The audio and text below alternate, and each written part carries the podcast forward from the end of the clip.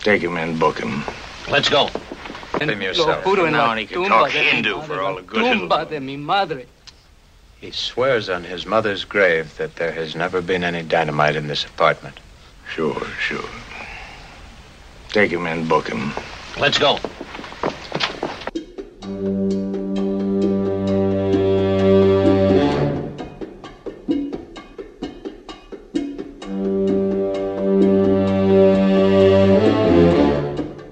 אז בוא נחזור לשוט שוט הפתיחה הארוך מאוד, כן. אה, שכל מורה לקולנוע חייב ללמד אותו כשמלמדים את האם ש... אתה ממלא את תפקידך, דני מונצ'ה, בהחלט, אני מראה את אותו? בהקשרים רבים. וואו, אוקיי. למשל, זה שוט שמתחיל כמעט בקלוזאפ. כן. והוא מצליח להגיע ללונג שוט שרואים רחוב שלם. שוט, כן, כן. וחוזר לקרוב יותר, והוא שוט ארוך מאוד, שיש בו עריכה פנימית, זה מה שפנטסטי, יש בו תנועה ועצירה, תנועה ועצירה. הוא מחליף גיבורים, הוא מחליף נקודת מבט. כן, פעם הוא- אחת זה זה ששם את הפצצה, פעם אחת זה הזוג שנכנס למכונית. ופעם שנייה זה הגיבור אחר, הגיבור של הסרט, כן? כן, כן. שמהלך והם עוסקים בנושאים שונים והם מדברים בלי לשים לב מצטלבים. על דברים, אירועים שמקבילים. זאת אומרת, זה עשיר בצורה לא רגילה. זה אה, מופת של אה, תאורה, מופת של אה, קצב. ויופי של גם פתיחת כתוביות מושלמת. והומור. והמוזיקה שכן כן אני מכניס אותך לאיזה מקום כזה שמין קצב כזה שהולך עם התמונה והולך גם נגד התמונה יש פה אושר עצום ומתי מסתיים השוט הוא מסתיים מדוע לסיים הרי הוא יכול היה להמשיך אין סוף יש סיבה מאוד טובה יש סאונד מסוים שמפסיק ומצדיק מעבר פצצה. יש סאונד שגורם אה, ל... ל, ל הוא מפסיק את, ה, את השוט. מדוע לעבור לשוט הבא? יש סאונד, יש אירוע שמניע את ה... אה, אה, אפשר להגיד שהנחת הפצצה הניעה את העלילה, נכון, אבל מניע... הוא עכשיו יחבר את שני הגיבורים, הם יגיעו לאותה זירה, הוא מפריע לאיזה סיפור אחר שיכול היה להתפתח, כי מדובר על זוג חדש וטרי, שהרגע נישא, ו... ו, ו, ו יש איזה משהו שמשתבש, ועכשיו יתחיל... אה, אה, ואז- ואז מגיע הגבול. לא סתם, גבול, הם, מת- הם, מתפצלים, הזוג נאלץ להתפצל, כי אחד הוא איש משטרה, איש, אה, אה, איש ביטחון, הוא עסוק בזה, הוא נוטש את אשתו, שולח אותה, ומאותו רגע הסיפורים התפצלו. נכון. זאת אומרת, אתה, הם גם מתפצלים אה, בגלל הגבול. גם מקסיקו, בגלל הגבול, אבל הברית. גם בגלל שפתאום קרה משהו, לא יש תפקיד אחד ולה יש תפקיד שהיא עוד לא יודעת אותו. כן. היא פתאום תיקלע לאיזה תפקיד אחר, ענייני סחיטה וכולי וכולי. זאת אומרת, זה כל כך עשיר. אגב, כמו שהאזרח קיין, אה, אולי כי הוא יותר טוב, או אולי כי הוא יותר מפורסם, מכל מיני סיבות, אולי כי הוא הראשון מאפיל לא פעם על הסרט הזה, כשצריך להזכיר רק סרט אחד. כן. השוט הזה הוא כל כך מוזכר וכל כך אה, מדובר, שהוא אה, מאפיל על שוט שאורסון וולס היה הרבה יותר גאה בו, ואורכו, אם אינני טועה, פי שתיים מהשוט הזה, כן. בתוך הסרט עצמו. כן. כי הוא שוט בתוך דירה. יש שוט בתוך דירה, תסביר על השוט. מורכב במיוחד, שחושף אינפורמציה שנמצאת בחדר אחד ואחר כך נמצאת בחדר אחר, ומחליט נקודות מבט. זה ברגע בלשי כזה שצריך עדות, אה, אה, אה, יש ממש כאילו... אה, אה, אתה מדבר על השלב שבו אורסון ווילס נכנס לביתו של החשוד, עושים איזה סוג של סריקה כזאת, ואז עוברים מהסלון אל האמבטיה, שוב אל הסלון, שוב אל האמבטיה, ואז מתגלה... אה, אה, בוא לא נגלה מה מתגלה, מגלה, לא, אה, אה, נגלה, מגלה, נגלה. אה, מה ש- מתגלה משהו. מגלה אה, אה, שהוא כן. מקלות דינמיט שלא היו שם לפני כן, זאת אומרת כן, שהוא כן. בא למקלחת, הוא לא מישהו שיבש מקלות חקירה. דינ- הוא- מישהו שיבש חקירה, כן, לא ברור כן, מאיפה כן. מקלות הדינמיט האלה הגיעו. אבל ש- ש- שמחפשים אותם, זה, זה מין, איך זה נקרא? לא עדות. ראיות. ראיה, כן, זה מדובר ראיה פורנזית. ראיה יש פה- פורנזית, כן. כן, בהחלט. ו... כי צריך להבין, באזור הזה יש גם מחצבה, מחצ- מחצבות, עם, עם, וב- שגם שם משתמשים בדינמיט. משתמשים ושם בדינמיט, אני- ושם מגלים שנגנבו אה, בדיוק, כמה בדיוק, אצבעות בדיוק. דינמיט אבל כאלה. כן. תשמע, הפעלת המצלמה בתוך המקום הקטנצ'יק הזה, היא הייתה. מאוד מאוד קשה, צריך ל- לזכור, המצלמות לא היו קטנטנות באותם שנים. כן, והמעבר הזה הוא דינמי ובלתי נראה באותה, ושאלו את אורסון וולס מדוע הוא רוצה לעשות את הדבר הזה, הוא, הוא, הוא רצה במקום שאי אפשר לזוז, והדבר שהכי פחות יכול לזוז שם, זאת המצלמה הענקית הזאת, כדי לייצר את הקלסטרופוביה של המקום. כן. אז אורסון וולס עצמו משחק דמות שממלאת את כל המסך, ובקושי אפשר, אין שם מקום לניצבים, אין שם מקום לאף שחקן אחר. כשהוא נכנס הרבה פעמים, כן, בעיקר עם הזווית, כשמצלמים אותו מלמטה או מלמעלה, אז הוא, אה, זה עוד, אבל כשמצלמים אותו ממול הוא ממש מסתיר שחקנים אחרים, כן, ועוד את המצלמה להכניס לתוך הדבר הזה, וזה כן. קטע באמת, אתה יודע, זה כמו סרט קצר שעומד בפני עצמו. תענוג לעין.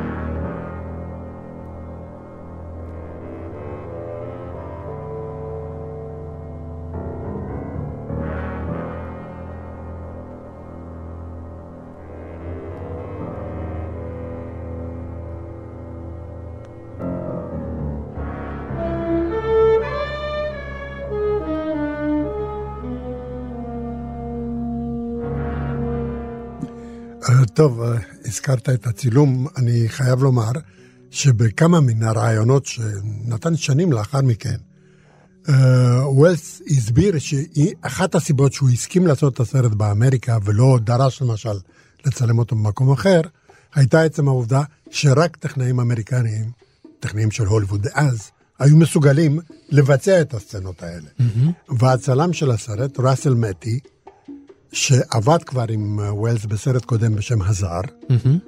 The Stranger. כן. The Stranger. Uh, הוא באמת נחשב לאחד הצלמים הגדולים שהיו בהוליווד, ושנתיים אחרי זה זכה לאוסקר עבור סרט שונה לחלוטין. זה היה ספרטקוס של קובריק. וואו, של קובריק, כן. זאת אומרת, זה, זה סרט שונה לחלוטין, אבל מאחר שדיברת כל כך הרבה על שעות הפתיחה, שאני מאוד מתפעל ממנו, שהוא דרך אגב לא כל כך ארוך, כפי שנדמה לנו, mm-hmm. uh, היום יש כל מיני ארטיסטים שעושים שוטים הרבה יותר ארוכים מזה, אבל... אבל בגלל המורכבות והמימדים והזוויות שלו הוא מרגיש ככה. אבל כאן כן. היה אחד הוויכוחים החריפים ביותר בין ווילס לבין המפיק. כן. ווילס דרש שלא יכניסו כותרות לסרט, בהתחלת הסרט.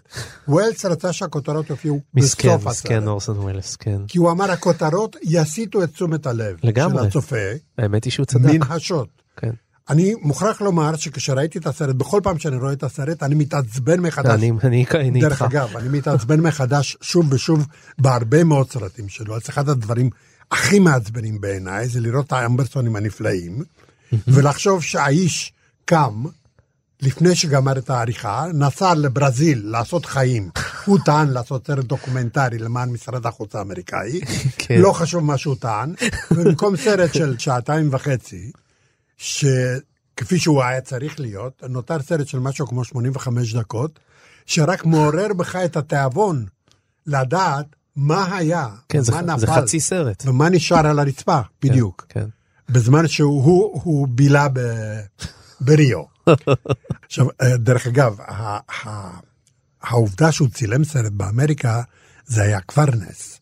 לווילס יצא שם באמריקה כבמאי בזבזן, כבמאי שלא עומד בשום uh, חוקים של האולפן. פגרה, פגרה של... ילד נורא, אופן טריבל.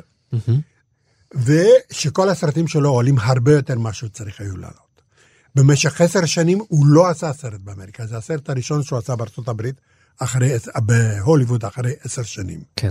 ויש כל מיני סיפורים שמספרים על, למשל, צ'רלטון הסטון מספר, המפיק צלצל אליי ואמר לי שהוא uh, לקח את uh, ווילס לתפקיד בסרט, והוא עכשיו מחפש במאי, אם אני רוצה להופיע בתפקיד הראשי. ואז צ'רלטון הסטון אומר, ואני הצעתי לו, למה לא תיתן את זה לאורסון ווילס? ואז הייתה שתיקה, והוא אמר, כן, זה רעיון באמת מעניין. המפיק עצמו מספר שאחרי ליל שתייה ארוך עם ווילס, אה, צוקסמית, שאצלו התקבצו כל, כל התסריטים שאף אחד לא רצה להפיק, אה, צוקסמית ישב יחד עם ווילס אצלו בחדר, וווילס אמר לו, תמיד, אתה יודע, הייתי רוצה לביים סרט בשבילך. אז צוקסמית ביד רחבה אמר לו, אתה יודע מה, הנה, תראה את כל התסריטים האלה, תיקח מה שאתה רוצה. וווילס אומר לו, תשמע, אתה יודע מה, תן לי את הכי רע. אז סטוקסמית הוציא את התסריט של מגש של רשע, נתן לו את התסריט, אמר לו, קח תקרא, תגיד לי מה, אם זה מעניין אותך. ההוא קרא, הוא, אה, ואחרי שבועיים וחצי, זו תגובה נורא מהירה בילי ווילס, אמר לו, תשמע, אם אתם נותנים לי לכתוב מחדש את כל התסריט, אני מוכן, אה, אני מוכן לביים את זה. כן. וכך הוא הגיע לביים. עכשיו, לך תדע איזה מהסיפורים האלה הוא הסיפור הנכון. ווילס עצמו אמר שאין דבר כזה סיפורים נכונים. הוא תמיד הזכיר את הפרשה שהייתה לו עם חבר, שהוא גם איש די ידוע, התסריטאי מפורסם בשם באק הנרי. הוא מספר שהוא פעם סיפר לבאק הנרי איזשהו סיפור. שנה וחצי אחרי זה, הוא קורא ראיון עם באק הנרי באחד העיתונים, ושם באק הנרי מספר את הסיפור שאורסון וולס סיפר לו. הצרה היא שהסיפור היה שונה לגמרי. הוא אומר, אז איך אפשר לסמוך על סיפורים, ולכן בבתי דין אמריקניים לא מכירים בהוכחות של hearsay, שכלומר, אתה שמעת. שמישהו, עדות שמיעה. כן.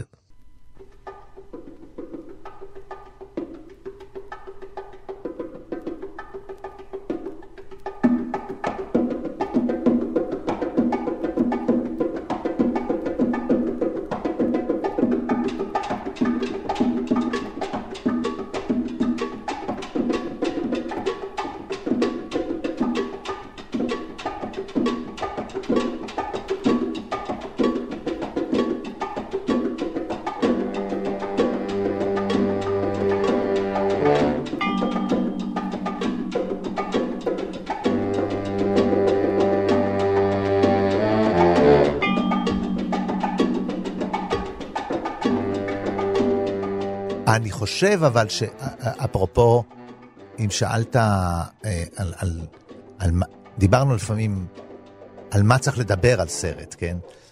אני חושב שבניגוד ל... נגיד ספרות, שלא שהרקע של מה שקרה והרכילות סביב כתיבת ספר היא לא מעניינת, אבל היא בדרך כלל היא לא רלוונטית. נכון, נכון. ל- היא לא רלוונטית. לא מדברים על זה עכשיו. הקולנוע מטבעו זה אה, אה, עבודה של קבוצה. גם אומרים סרטו של אורסון ווילס, יש פה קבוצה. כן. הוא לא עבד לבד, יש מפיקים שהשפיעו. כן, כן. אה, יש כסף תקציבים גדול. רבים, קהל גדול שמיד, גרסאות אה, מכל האומנויות, בוא נאמר את זה כך, בוודאי אלה שבתוך האומנות הזאת לא רואים במילה תעשייה מילת גנאי. כשאתה כן. מדבר על תעשיית אה, אה, אה, הפיסול או תעשיית הציור בשמן, זאת מיד. מילת גנאי. הכוונה היא שמישהו מתועש, שהוא, שהוא לא אומן. פה החיבור זה, זה, זה צד בריא חיוני. כן. והמקוללים זה אלה שניסו להביא, ללכת יותר מדי פנימה עם הדבר הזה. ה- הבריא... תראה, אורסון וול, אה, אה, הזכרנו כל כך הרבה את, את אה, אה, אלפרד היצ'קוק. אה, אלפרד היצ'קוק, אני חושב שבין השאר הגדולה שלו זה ההבנה של מה אפשר לעשות בתוך התעשייה הזאת. ו- ו- אה, ושמר כל הזמן, זה, הוא חדשן, הוא דגול והוא הגיע להישגים עצומים בסרטים שלו, אבל איכשהו משהו בבריאות, ה- ה- ה- אה, נקרא לו חברתית שלו, היכולת שלו, אה, לא שהוא לא היה איש קל, אבל הוא הצליח איכשהו לתמרן ולמצוא את עצמו אה, אה, אה, ושומר על זכויות ומצליח לבנות, וזה היה חסר לאורסון ווילס, כן? כן. אה, אולי גם כי הוא בבת אחת, אתה יודע, הוא נכנס אני לחשוב- אומר לך מה, מה היה חסר לו במיוחד. מה שהיה חסר לאורסון וולס במיוחד זה כישרון לתקשר עם, עם אנשי התעשייה, כפי שאתה קראת להם, משום שהוא הסתכל עליהם מלמעלה, לדעתו הם לא התעסקו אלא רק בענייני כסף, ומה שהיה הוא חסר מדבר לו על עוד, המפיקים ועל כן. אז מנהלי זה לא רק האופנים. שהוא הסתכל עליהם, הוא גם לא אה, חשד להראות להם את זה. אני לא בטוח שהיצ'קוק העריץ את כולם שם, אבל הוא ידע להסתיר את זה. יש הבדל משמעותי אחר, שהיה משכנע את התעשייה, למרות שהוא התנהג כפי שהוא התנהג. אילו הסרטים שלו היו עושים כסף, או, זה זהו. היה פותר את זה כל מה הבעיה. שהיצ'קוק כן ידע לעשות. אלפרד היצ'קוק, אני זוכר עד היום, ראיינתי אותו, ושאלתי אותו, מה דעתך על ההערצה רגע, רגע, רגע, העיוורת?" תחזור על מה שאמרת, אתה כן. ראיינת את היצ'קוק. שידרתי את הרעיון הזה איזה שלוש או ארבע פעמים. אוקיי, רגע, צריך להירגע פה בתוכנית. כן, תמשיך. ובכן, אה, כששאלתי אותו מה דעתו על ההערצה העיוורת שיש לאנשי הגל החדש, אה, לסרטים שלו, ומה הוא חושב על הסרטים שלהם, הוא ענה לי בצורה מאוד פשוטה, הוא אמר לי, תשמע, אני אה, מאוד מחבב אותם, אבל אני לא רוצה סרטים כדי להציג אותם לעצמי בחדר השינה. כן, אני רוצה שאת הסרטים שלי יראו בקולנוע. כן, שיראה קהל רחב. אורסון ווילס לא התעניין בנושא הזה. וכשאמרתי בתחילת התוכנית הזאת, שבעצם הוא התחיל, הוא נולד 10-20 שנה מאוחר מדי, מוקדם מדי, זה משום שהיום הצופים, הקהל הצופים לא היה מתבלבל כל כך בסרט כמו uh, מגע של רשע, מן המעברים האלה ממקום למקום ומזמן לזמן, מן התחושה הזאת שכל מיני דברים מתרחשים בעת ובעונה אחת. צופה היום היה מבין. אז, לדעת האולפנים לפחות, הוא לא מסוגל היה להבין.